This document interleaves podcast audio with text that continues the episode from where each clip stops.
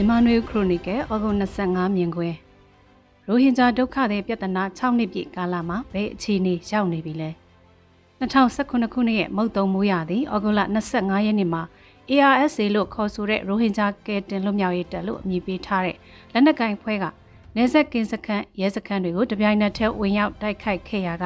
မြန်မာစစ်တပ်ရဲ့ရက်ဆက်တဲ့လူမျိုးတုံးတပ်ဖြတ်မှုလို့တမိုင်းတင်ခံရမယ်လက်တုံပြန်နှိမ်နင်းမှုစစ်စင်ရေးကိုစတင်စေခဲ့တာဖြစ်ပါတယ်။ အဲ့ဒီအချိန်ကာလဟာ NLD ပါတီကအစိုးရဖြစ်တဲ့တာဝန်ယူခြင်းဖြစ်ပြီးရခိုင်ပြည်နယ်မှာ AA လက်နက်ကင်တပ်ဖွဲ့တွေနဲ့အစိုးရစစ်တပ်ကြကြပြန့်ပြန့်တိုက်ပွဲတွေမဖြစ်ပွားမီတစ်နှစ်အလိုကာလလည်းဖြစ်ပါတယ်။စစ်တပ်အနေနဲ့2012ခုနှစ်မှာဖြစ်ပွားခဲ့တဲ့ဗုဒ္ဓဘာသာဝင်ရခိုင်လူမျိုးတွေနဲ့အစ္စလမ်ဘာသာဝင်ရိုဟင်ဂျာတို့အကြားကပြိပခါကိုအခြေခံပြီးအစ္စလမ်ဘာသာဝင်ရိုဟင်ဂျာတွေပေါ်အခြေအနေတစ်ခုမှလက်တုံပြန်ဖို့သို့မဟုတ်သင်ခန်းစာပေးဖို့စစ်တပ်ရဲ့အကောင်းဆောင်ပိုင်းမှာရည်ရွယ်ချက်ရှိခဲ့ပုံရပြီး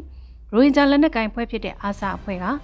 ရဲစခတ်နေကြားဆောင်ကင်းစခန်းတွေကိုစတင်တိုက်ခိုက်လိုက်တဲ့အဖြစ်အပျက်ပေါ်အခြေခံကပြင်းပြင်းထန်ထန်ပြည်တံခတ်နှိမ်နင်းခဲ့တဲ့သဘောလို့အခုနေပြန်သုံးသပ်ကြည့်မိပါတယ်။အာဆာလက်နက်ကိုင်ဖွဲ့ဟာရိုဟင်ဂျာလူမှုအတိုင်းဝိုင်းကိုဩဇာအတိုင်းအတာတစ်ခုထိရှိနိုင်တော့လေရိုဟင်ဂျာအားလုံးကအာဆာကိုထောက်ခံကြတဲ့သဘောမျိုးတော့မတွေ့ရပါဘူး။ရိုဟင်ဂျာလူမှုအတိုင်းဝိုင်းအနေနဲ့လေယာစိုက်ပျိုးရေးမွေးမြူရေးငါးဖက်လုပ်ငန်းတွေကိုလုပ်ကိုင်စားတောက်ပြီးအေဂျင့်စွာနေထိုင်လိုကြတာအများစုဖြစ်ပါတယ်။ အာဆာလက်နက်ကင်ဖွဲ့ကနေကြားဆောင်ရဲစခန်းရဲကင်းစခန်းတွေကိုတပြိုင်နက်တည်းနေရာ30လောက်မှာဝင်ရောက်တိုက်ခိုက်ကတပ်ဖြတ်ခဲ့တဲ့အဖြစ်အပျက်ကခုလိုလူတသန်းလောက်အိန္ဒိယနိုင်ငံဘက်တင်းရှောင်ထွက်ပြေးကြရတဲ့အခြေအနေဖြစ်ပေါ်လာစေတဲ့စစ်တပ်ရဲ့နယ်မြေရှင်းလင်းမှုစစ်စင်ရေးမျိုးသမီးရောကလေးငယ်တွေပါပါဝင်တဲ့ရက်သား6000ကနေ1000လောက်ထိအသက်ဆုံးရှုံးခဲ့ရတဲ့2019ဩဂုတ်လမှစက်တင်ဘာလအတွင်းဆုလိုက်ပြုံလိုက်တပ်ဖြတ်မှုတွေဖြစ်ပွားခဲ့ရတာဖြစ်ပါတယ်။ဒီဖြစ်ရပ်တွေအတွက်လူမျိုးတုံးတပ်ဖြတ်မှုအနေနဲ့ နိုင်ငံတကာတရားရုံးကိုနိုင်ငံတနိုင်ငံကတရားလိုအဖြစ်ရှောက်ထားခဲ့ပြီး2019ခုနှစ်မှစတင်စစ်ဆေးနေခဲ့တဲ့အနေအထားထိရောက်ရှိခဲ့တာလည်းဖြစ်ပါတယ်။ဒီဖြစ်ရဖြစ်ပွားချိန်2019ခုနှစ်ဩဂုတ်လနောက်ဆုံးသတင်းပတ်နဲ့စက်တင်ဘာလအစောပိုင်းကာလတွေမှာရခိုင်ပြည်နယ်မြောက်ပိုင်းဒေသတွေဖြစ်တဲ့ဦးသီးတောင်မောင်တော်ရသေတောင်မြို့နယ်တွေကရိုဟင်ဂျာကျေးရွာကြီးတွေမှာကျေးရွာတရွာကိုလူရာနဲ့ချီသေဆုံးတဲ့အထိအစိုးရစစ်တပ်ကဝင်ရောက်ရှင်းလင်းပစ်တက်ခဲ့တာဖြစ်ပါတယ် ဒီလိုဖြစ်ပျက်တွေကိုမျက်မြင်ကြုံတွေ့ကြရသူတွေတဆင့်ကြားသိရတဲ့အခြားသောအနီးနားကျေးရွာတွေကနေထိုင်သူရိုဟင်ဂျာလူမျိုးတွေကအိန္ဒိချင်းဘင်္ဂလားဒေ့ရှ်နိုင်ငံကိုထွက်ပြေးခေါ်လုံခဲ့ကြတာဖြစ်ပါတယ်။စစ်တပ်ရဲ့မိရှုတာကိုခံရတဲ့ကျေးရွာတွေအိန္ဒိချင်းနိုင်ငံနဲ့ထွက်ပြေးသွားတဲ့ရိုဟင်ဂျာကျေးရွာအများပြားကိုစစ်တပ်ကကျေးရွာအဖြစ်ပြန်မတည်နိုင်အောင် သို့မဟုတ်ရခင်ကဒီနေရာတွေမှာကျေးရွာတည်ရှိခဲ့တဲ့ဆိုတဲ့တပ်တွေထောက်ထားကိုပါဖျောက်ဖျက်ဖို့ရည်ရွယ်ပြီးမြင်းကြီးဆက်တွေနဲ့ထိုးညစ်ပြီးလက်ရာခြေရာဖျောက်ဖျက်ခဲ့တဲ့တပ်တွေတာရကတွေလည်းရှိခဲ့တာဖြစ်ပါတယ်ဒီလိုလူမျိုးသုံးတပ်ဖြတ်မှုတွေဖြစ်ပွားခဲ့တဲ့2019ခုနှစ်နောက်ပိုင်းကာလတွေတုန်းကမြန်မာနိုင်ငံရဲ့အတိုင်းဝိုင်းမှာစစ်တပ်နဲ့မိမ့်မပြတ်ချင်တာကိုယ်ွယ်ရာဘာသာမတူတာမျိုးဘာသာသာသနာကိုကာကွယ်ရမယ်ဆိုတဲ့အယူအဆကိုထောက်ခံကြတဲ့အမြင်ရှိသူတွေကပါ စစ်တပ်ကကျူးလွန်ခဲ့တဲ့တပ်ဖြတ်မှုတွေကိုမသိရှိခဲ့ကြသလိုသိအောင်လည်းမကြိုးစားခဲ့ကြပါဘူး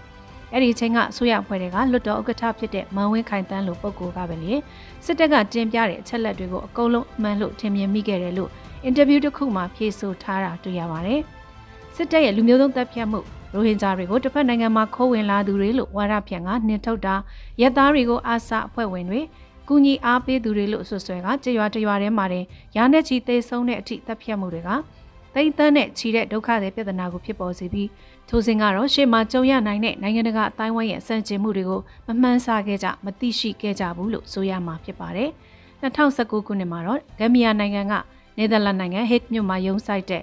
နိုင်ငံတကာတရားရုံးကိုလူမျိုးတုံးတပ်ဖြတ်မှုအဖြစ်စုံစမ်းစစ်ဆေးပေးဖို့ရှောက်ထားချက်ကိုလက်ခံခဲ့ပြီးအဲ့ဒီနှစ်ဒီဇင်ဘာလမှာမြန်မာနိုင်ငံကိုခုခံချေပဖို့ဆင့်ခေါ်ခဲ့တာဖြစ်ပါတယ်။မြန်မာနိုင်ငံကိုစားတိုင်ပင်ခံပုဂ္ဂိုလ်ဒေါအောင်ဆန်းစုကြည်ကိုယ်တိုင်သွားရောက်ပြီးခုခံရှောက်လဲခဲ့တဲ့ဖြစ်ရပ်ကကဘာကိုအံ့အားသင့်စေခဲ့ပါတယ်။စစ်တပ်ကကျူးလွန်တဲ့တပ်ဖြတ်မှုတွေအတွက်ဘာကြောင့်ရွေးကောက်ခံရတာအစိုးရကခုခံရှောက်လဲတာလဲ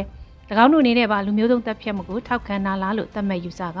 ဒေါန်ဆန်းစုကြည်ကိုချီးမြှင့်ထားတဲ့စုအများပြားဂုံနူးဆောင်ဖွဲ့အများပြားပြန်ရုပ်သိမ်းခဲ့ကြတာဖြစ်ပါတယ်။ဒီမကြသေးတဲ့နှစ်အတွင်းကသမိုင်းဖြစ်ပျက်ဖြစ်သွားပြီဖြစ်တဲ့ဖြစ်ရတွေရက်ဒီချက်တွေ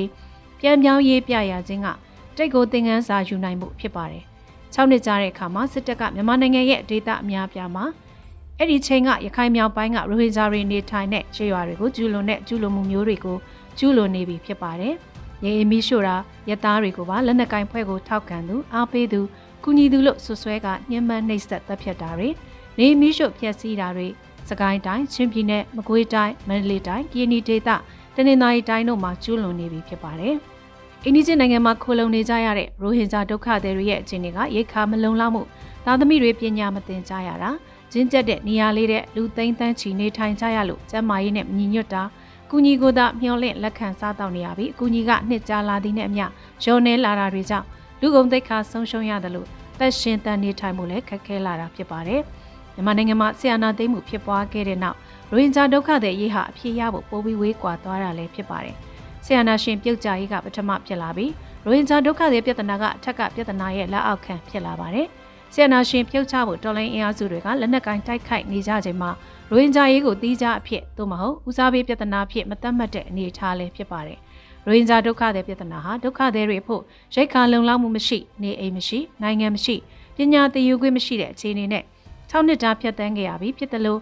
နောက်ထပ်ဘယ်နှစ်နှစ်လောက်ထပ်မံဖြတ်တန်းရင်ဆိုင်ကြရအောင်မလဲဆိုတာဘယ်သူမှမမှန်းဆနိုင်သေးတဲ့အနေအထားမှာရှိနေတာဖြစ်ပါတယ်ရှင်။